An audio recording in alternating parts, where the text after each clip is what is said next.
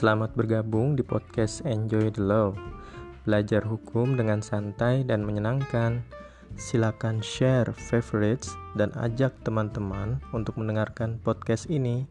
Terima kasih.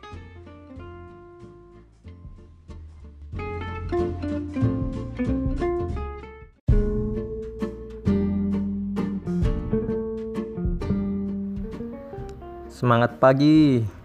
Selamat menjalankan ibadah puasa bagi kawan-kawan yang menjalankan. Saat ini saya akan share uh, tema terkait COVID-19 dan kaitannya dengan uh, hukum internasional, politik internasional dan hingga praktiknya di hukum nasional terutama di Indonesia. Pantengin terus ya.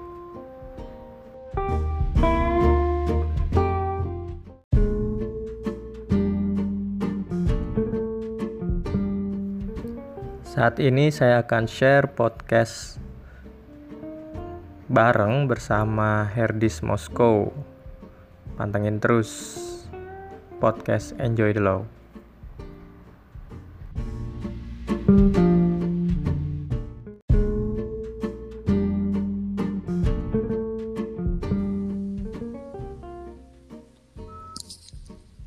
Ya, halo Is. Mas. Halo, halo. Halo. Are. Langsung jelas aja suaranya... apa Mas? Suaranya jelas? Jelas, jelas, jelas. Damang, damang. Alhamdulillah Mas.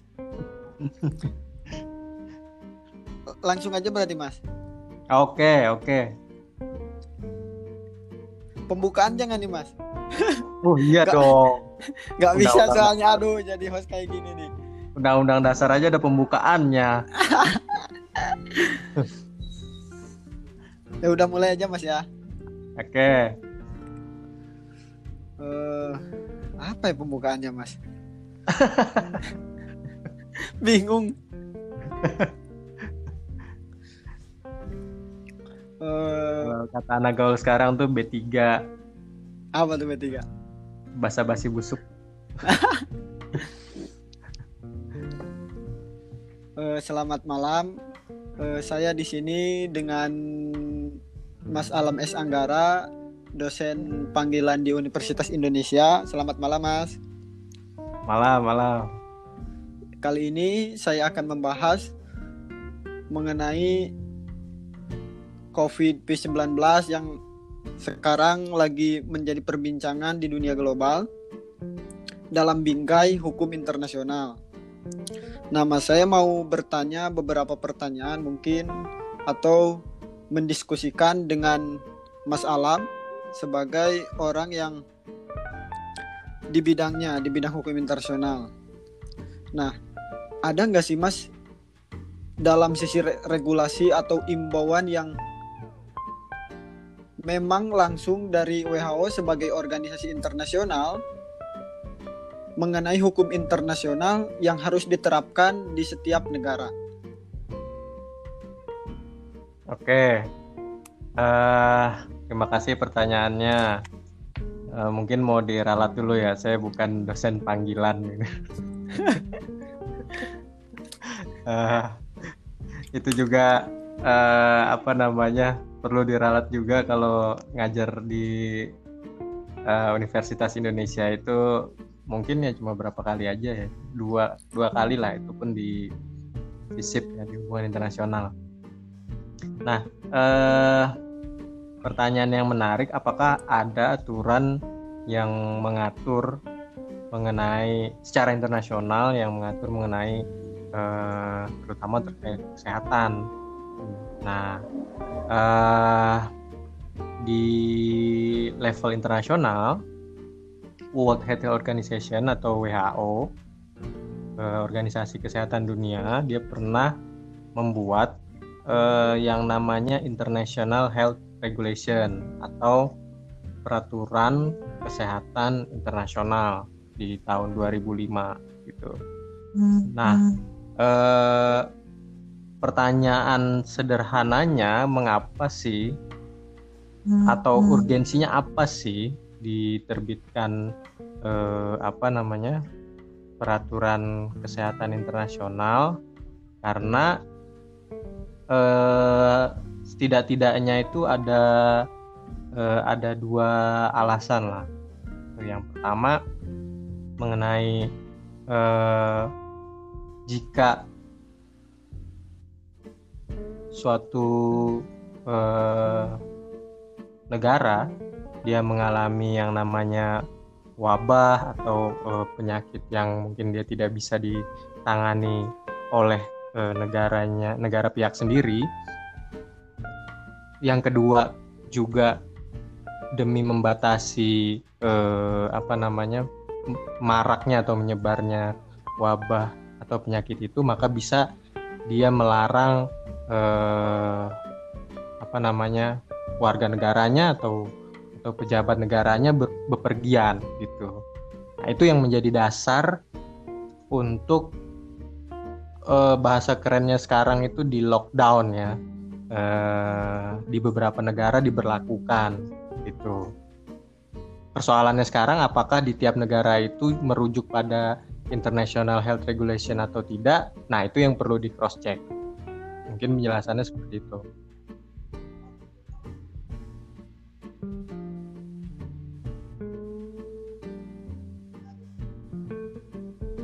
Nah, ini juga yang menjadi uh, yang menarik juga terkait dengan PSBB yang diterapkan di Indonesia, Mas. Mas juga tadi bilang bahwa apakah di Indonesia ini menerapkan standar yang uh, dikasih oleh WHO itu sendiri.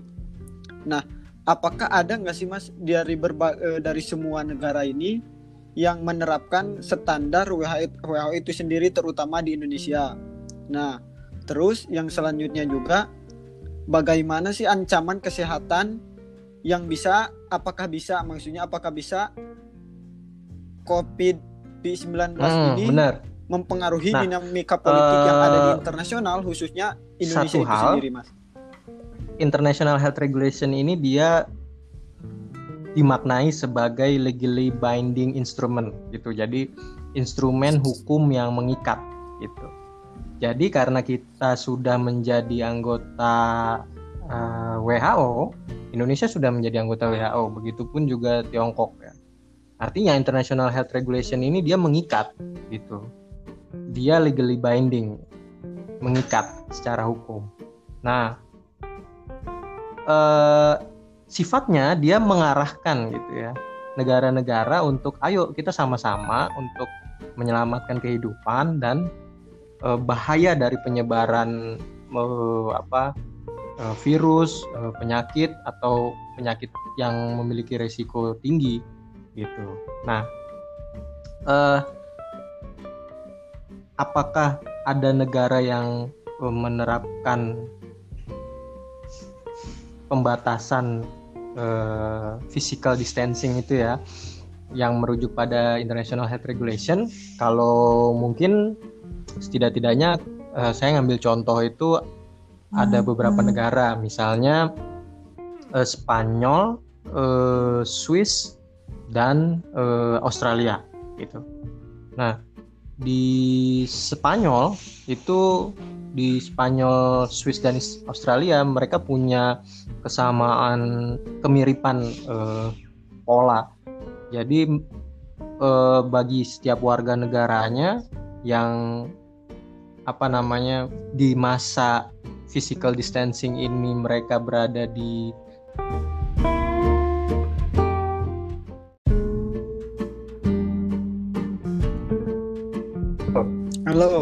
Halo. Ya. Ini dila ini dilanjut apa gimana, Mas? Lanjut, lanjut. Oh, Dikit. Iya. Jadi uh, nyambung tadi tiga negara itu dia uh, bahkan memberikan sanksi uh, pidana bagi warga negaranya yang uh, dia beraktivitas di luar gitu ya. Uh, dan dampaknya besar sekali tuh uh, ke perekonomian, ke pasokan bahan pangan dan lain-lain gitu. Tapi memang itu dilematisnya dari uh, international health regulation ini gitu karena dia selain dia pencegahan, dia juga ada fungsi untuk uh, kontrol dan perlindungan uh, yang secara ketat gitu. Sehingga apa? Sehingga ya itu tadi uh, apa namanya negara-negara negara-negara pihak dari WHO ini bisa memberlakukan sanksi-sanksi pidana itu gitu. Nah, menarik juga Mas terkait dengan ini kan uh, Indonesia mempunyai hubungan yang sangat baik dengan negeri Tiongkok. Mm. Terutama dalam sektor uh, ekonomi industri karena hampir semua uh, industri Indonesia uh, dikirim dari negeri Tiongkok. Nah, yang menjadi pertanyaan apakah dampak virus corona ini terhadap hubungan internasional khususnya Indonesia dengan Cina, Mas? Nah, kalau dia bisa mengganggu hubungan uh, luar negeri antara Tiongkok dengan Indonesia ini bisa sangat mungkin terjadi gitu ya. E, kenapa? Karena e, satu hampir apa namanya bahan baku di banyak e, sektor industri itu didatangkan dari Tiongkok, gitu ya. Kedua, e, sekarang ya kalau dilihat perekonomian di Asia memang Tiongkok ini lagi di lagi menguasai gitu sehingga apa sehingga dia bisa berdampak e, minggu lalu itu ada ada diskusi yang menarik di Jogja e, tema diskusinya itu apakah mungkin e, bisa menyeret apakah mungkin menyeret Tiongkok ke pengadilan internasional gitu. Oh itu itu diskusi yang sangat menarik gitu.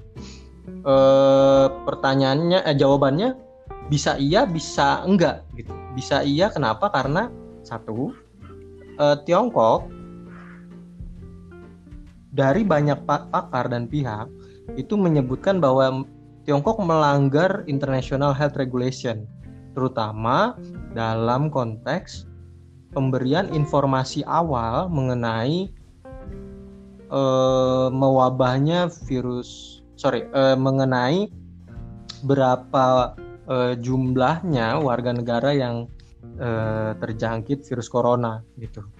Kemudian pelanggaran yang kedua adalah Tiongkok itu memberikan informasi kepada WHO informasi awal bahwa virus corona ini hanya bisa ditularkan dari hewan ke manusia gitu. Padahal eh, perkembangan yang sangat pesat sekarang itu penularannya itu dari manusia ke manusia gitu. Jadi dua dua hal itu yang bisa menjadi dasar dan bisa menegaskan bahwa Tiongkok melanggar International Health Regulation persoalannya bisa tidak kenapa karena bisa jadi eh, ketika misalnya Indonesia menggugat eh, Tiongkok di pengadilan internasional di eh, apa Mahkamah Internasional bisa jadi itu jadi serangan balik ke Indonesia tuh misalnya bahan bahan produksi nanti bisa di stop kemudian Eh, bantuan-bantuan atau pinjaman-pinjaman uh, dana dari Tiongkok bisa di stop gitu. Jadi ada ada kayak si malakamanya lah gitu. Oke mas. Nah ini yang saya pikirkan juga terkait dengan Amerika Serikat dengan Tiongkok. Karena sebelum virus corona ini menyebar di berbagai belahan dunia, perang dagang antara negeri Paman Sam dengan negeri Tiongkok ini sangat menjadi perhatian atau perbincangan di berbagai negara. Mulai di Indonesia yang menjadikan uh, kurs dolar itu naik. Nah, yang jadi permasalah dan yang selanjutnya adalah di timur di uh, negara Arab Saudi dan Iran ini mempunyai uh, hubungan yang sangat tidak baik. Tetapi di sisi yang lain, di sini ada virus corona yang harus segera dihentikan atau di uh, dibereskan oleh berbagai negara. Nah, yang menjadi pertanyaan, mengapa Amerika Serikat sebagai negeri yang sangat kuat itu meminta bantuan kepada Tiongkok sebagai uh, bisa dibilang musuh uh, dalam perang dagang ini. Nah, yang malah sebaliknya adalah Iran mungkin tidak Mas akan mengikuti jejak Amerika Serikat dan negeri Tiongkok yang akan menjalin hubungan baik untuk menuntaskan virus corona ini Mas. Nah, ini uh, apa namanya? Uh, secara politik internasional bisa dimungkinkan, tapi secara hukum internasionalnya kita bisa uh, analisis lebih mendalam gitu. Nah, saya saya teringat uh, komentarnya Mas Dandi Laksono gitu waktu di waktu dia posting berapa waktu yang lalu di Instagram dia bilang bahwa uh, waktu perang dingin itu dampaknya itu Timur Tengah gitu. dan uh, tidak merambah ke seluruh negara gitu tapi perang dagangnya Tiongkok dengan uh, Amerika ini dampaknya luar biasa besar gitu. nah kalau apakah kubu-kubu tadi itu uh, apa namanya uh, memungkinkan untuk terjadi. Nah, kalau saya mungkin nggak bisa menjawab ya, karena uh, apa? Belum lama ini juga ada salah satu media yang menerbitkan, uh, sorry, uh, penulis yang menerbitkan bahwa ada ada tindakan tindakan-tindakan dari negara Arab Saudi yang yang itu patut diduga ada pelanggaran-pelanggaran gitu ya. Tapi saya juga belum uh, mencermatinya dengan dalam. Gitu. Oke, mungkin ini yang terakhir, Mas. Hmm. mungkin ini di terkhusus di Indonesia karena tadi sudah berbincang mengenai uh, uh, sisi regulasi internasional terkait dengan politik dan ekonomi internasional dan uh, mungkin juga apa yang dikatakan Mas tadi bahwa negeri Tiongkok mungkin bisa iya bisa tidak untuk dibawa ke mahkamah internasional. Nah, hmm. yang lebih menarik bahwa uh, berbagai kebijakan yang diambil oleh pemerintah Indonesia untuk menangani COVID-19 ini apakah yang pertama apakah ini menjadi uh, ke keterlambatan pemerintah Indonesia menangani virus COVID-19 ini. Nah, dan yang kedua terkait dengan uh, sektor ekonomi. Hampir semua sektor uh, di berbagai provinsi dan kota ini lumpuh akibat COVID-19, Mas. Nah, yang menjadi pertanyaan, apakah bisa pemerintah digugat oleh masyarakat terkait dengan uh, kebijakan atau penanganan COVID-19 ini karena merugikan hampir semua sektor uh, industri di Indonesia ini? Uh, ya, uh, apakah pemerintah dapat digugat? Menurut saya sih bisa, gitu ya. Uh, cuman saya mau jelasin dulu, uh, mungkin silang sengkarutnya ya di di Undang-Undang Nomor 6 Tahun 2018 tentang kekarantinaan kesehatan. Jadi gini, kebiasaan di uh, regulasi kita, jadi Undang-Undang tentang kekarantinaan kesehatan ini kalau di bagian eh, apa namanya menimbang dan mengingatnya sebenarnya ini jadi kebiasaan bahwa e, sering kali tidak dimasukkan aturan internasional di dalam bagian itu. Itu padahal penjelasannya itu e, saya tidak paham di naskah akademiknya itu tapi kalau dilihat di pasal 1 eh, Undang-Undang Nomor 6 Tahun 2018 definisi kekarantinaan kesehatan yang dimaksud dalam undang-undang ini itu mirip dengan penjelasan di International Health Regulation itu bahwa eh, mengapa kekarantinaan kesehatan itu dilakukan yaitu untuk upaya mencegah dan menangkal keluar atau masuknya penyakit dan atau faktor risiko kesehatan masyarakat yang berpotensi menimbulkan kedaruratan kesehatan masyarakat. Sebenarnya ini bahasanya itu mirip sekali dengan di undang-undang eh, di International Health Regulation, tapi persoalannya dia tidak mencantumkan itu. Itu satu. Nah, yang kedua eh, sekarang juga masih rame diperbincangkan eh, mengapa pada akhirnya uh, ada uh, sanksi pidana yang masuk di dalam uh, undang-undang kekarantinaan kesehatan tersebut. Gitu. Nah, ini uh, apa?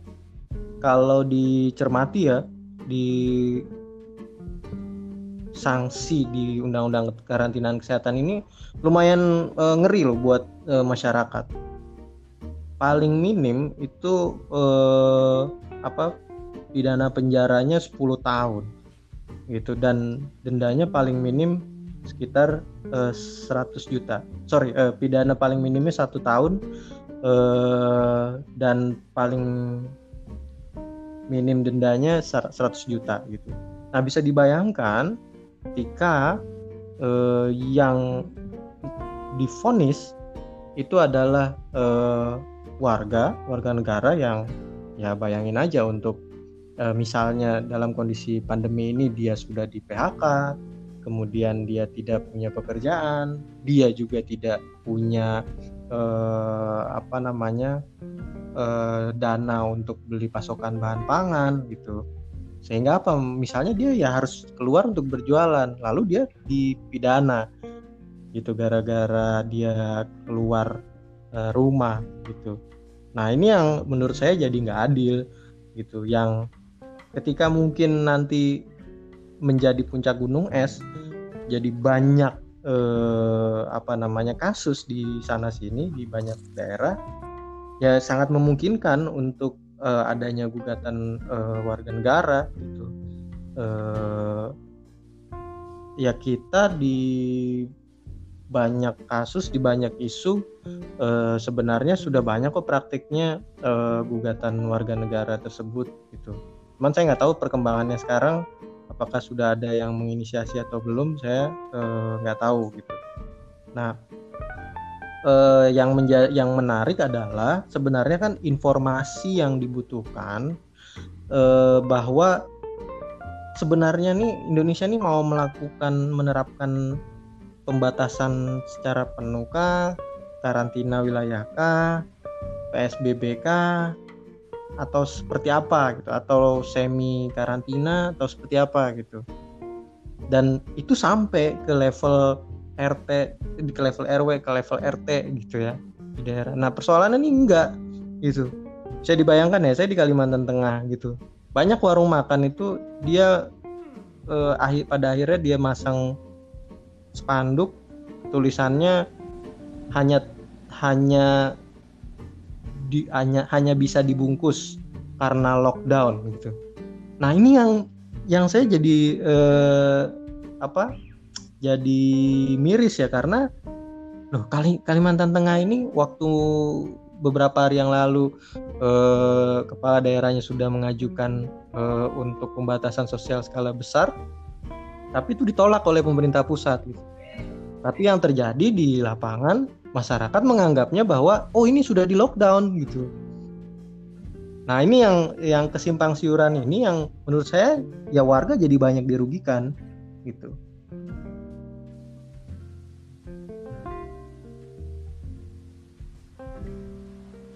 Ada lagi tadi pertanyaannya? Udah itu aja mungkin mas. Nah, nah uh, mungkin tambahan sekedar tambahan uh, yang menarik adalah mengapa di saat pandemi ini justru misalnya eh, apa legislator kita itu tetap membahas omnibus law misalnya. Ini yang menarik gitu loh. Padahal pemerintah secara tegas menyatakan bahwa ya work from home di rumah aja dan lain-lain. Nah sedangkan omnibus law yang terang-terangan kemarin sedang ditolak oleh banyak pihak itu tetap dijalankan. Gitu. Artinya ini sekarang warga sedang dipertontonkan dengan ya warga ini harus ikutin yang mana gitu. Ikutin pemerintah untuk di rumah aja sedangkan kalau kita tidak memantau pembahasan omnibus law ya mungkin eh, apa namanya banyak pakar bilang akan dirugikan akan dirugikan ketika disahkan. Sama halnya eh, ketika kemarin banyak penolakan beberapa undang-undang ya. Kemarin di, sempat di pending kemudian sekarang tetap dilanjutkan. Kemudian yang kedua eh, yang menarik ketika eh, apa namanya di Jawa ya terutama di Jabodetabek saya lihat eh, sudah sangat lumayan ketat ya eh, penjagaannya. Saya nggak tahu kalau di Jawa Barat atau di Tasik itu kayak gimana. E, tapi saya lihat tuh antara Jakarta dengan Bekasi misalnya e, warga nggak boleh boncengan. Kalau boncengan dia disuruh balik, putar balik. Kalau jalan nggak pakai masker dia disuruh putar balik juga. Nah, dari situ akhirnya kan banyak orang jadi berpikir wah ini nggak bisa ke mana-mana nih dibatasin ketat dan lain-lain. Banyak warga yang kelaparan dan lain-lain ada gerakan rakyat bantu rakyat misalnya solidaritas pangan. Ini muncul nih udah nih. Tapi yang miris kemarin di Jogja gitu. Kemarin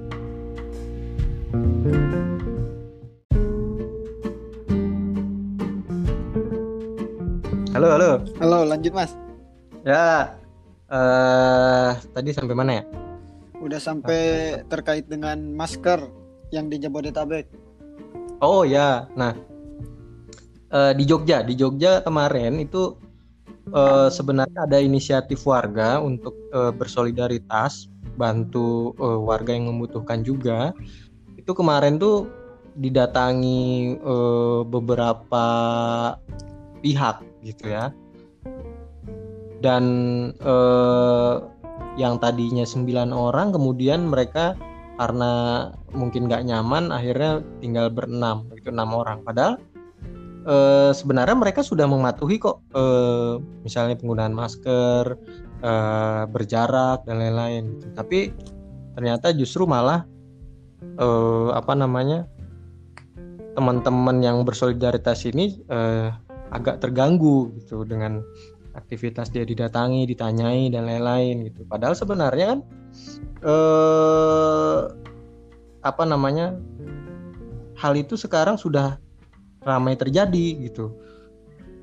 Contohnya misalnya banyak sekarang orang yang pesan GoFood, eh nggak boleh nyebut merek ya, eh, pesan delivery order ya untuk makanan eh, di aplikasi-aplikasi akhirnya makanan itu dikasih ke drivernya gitu. Nggak nggak apa namanya nggak di nggak dimakan sendiri.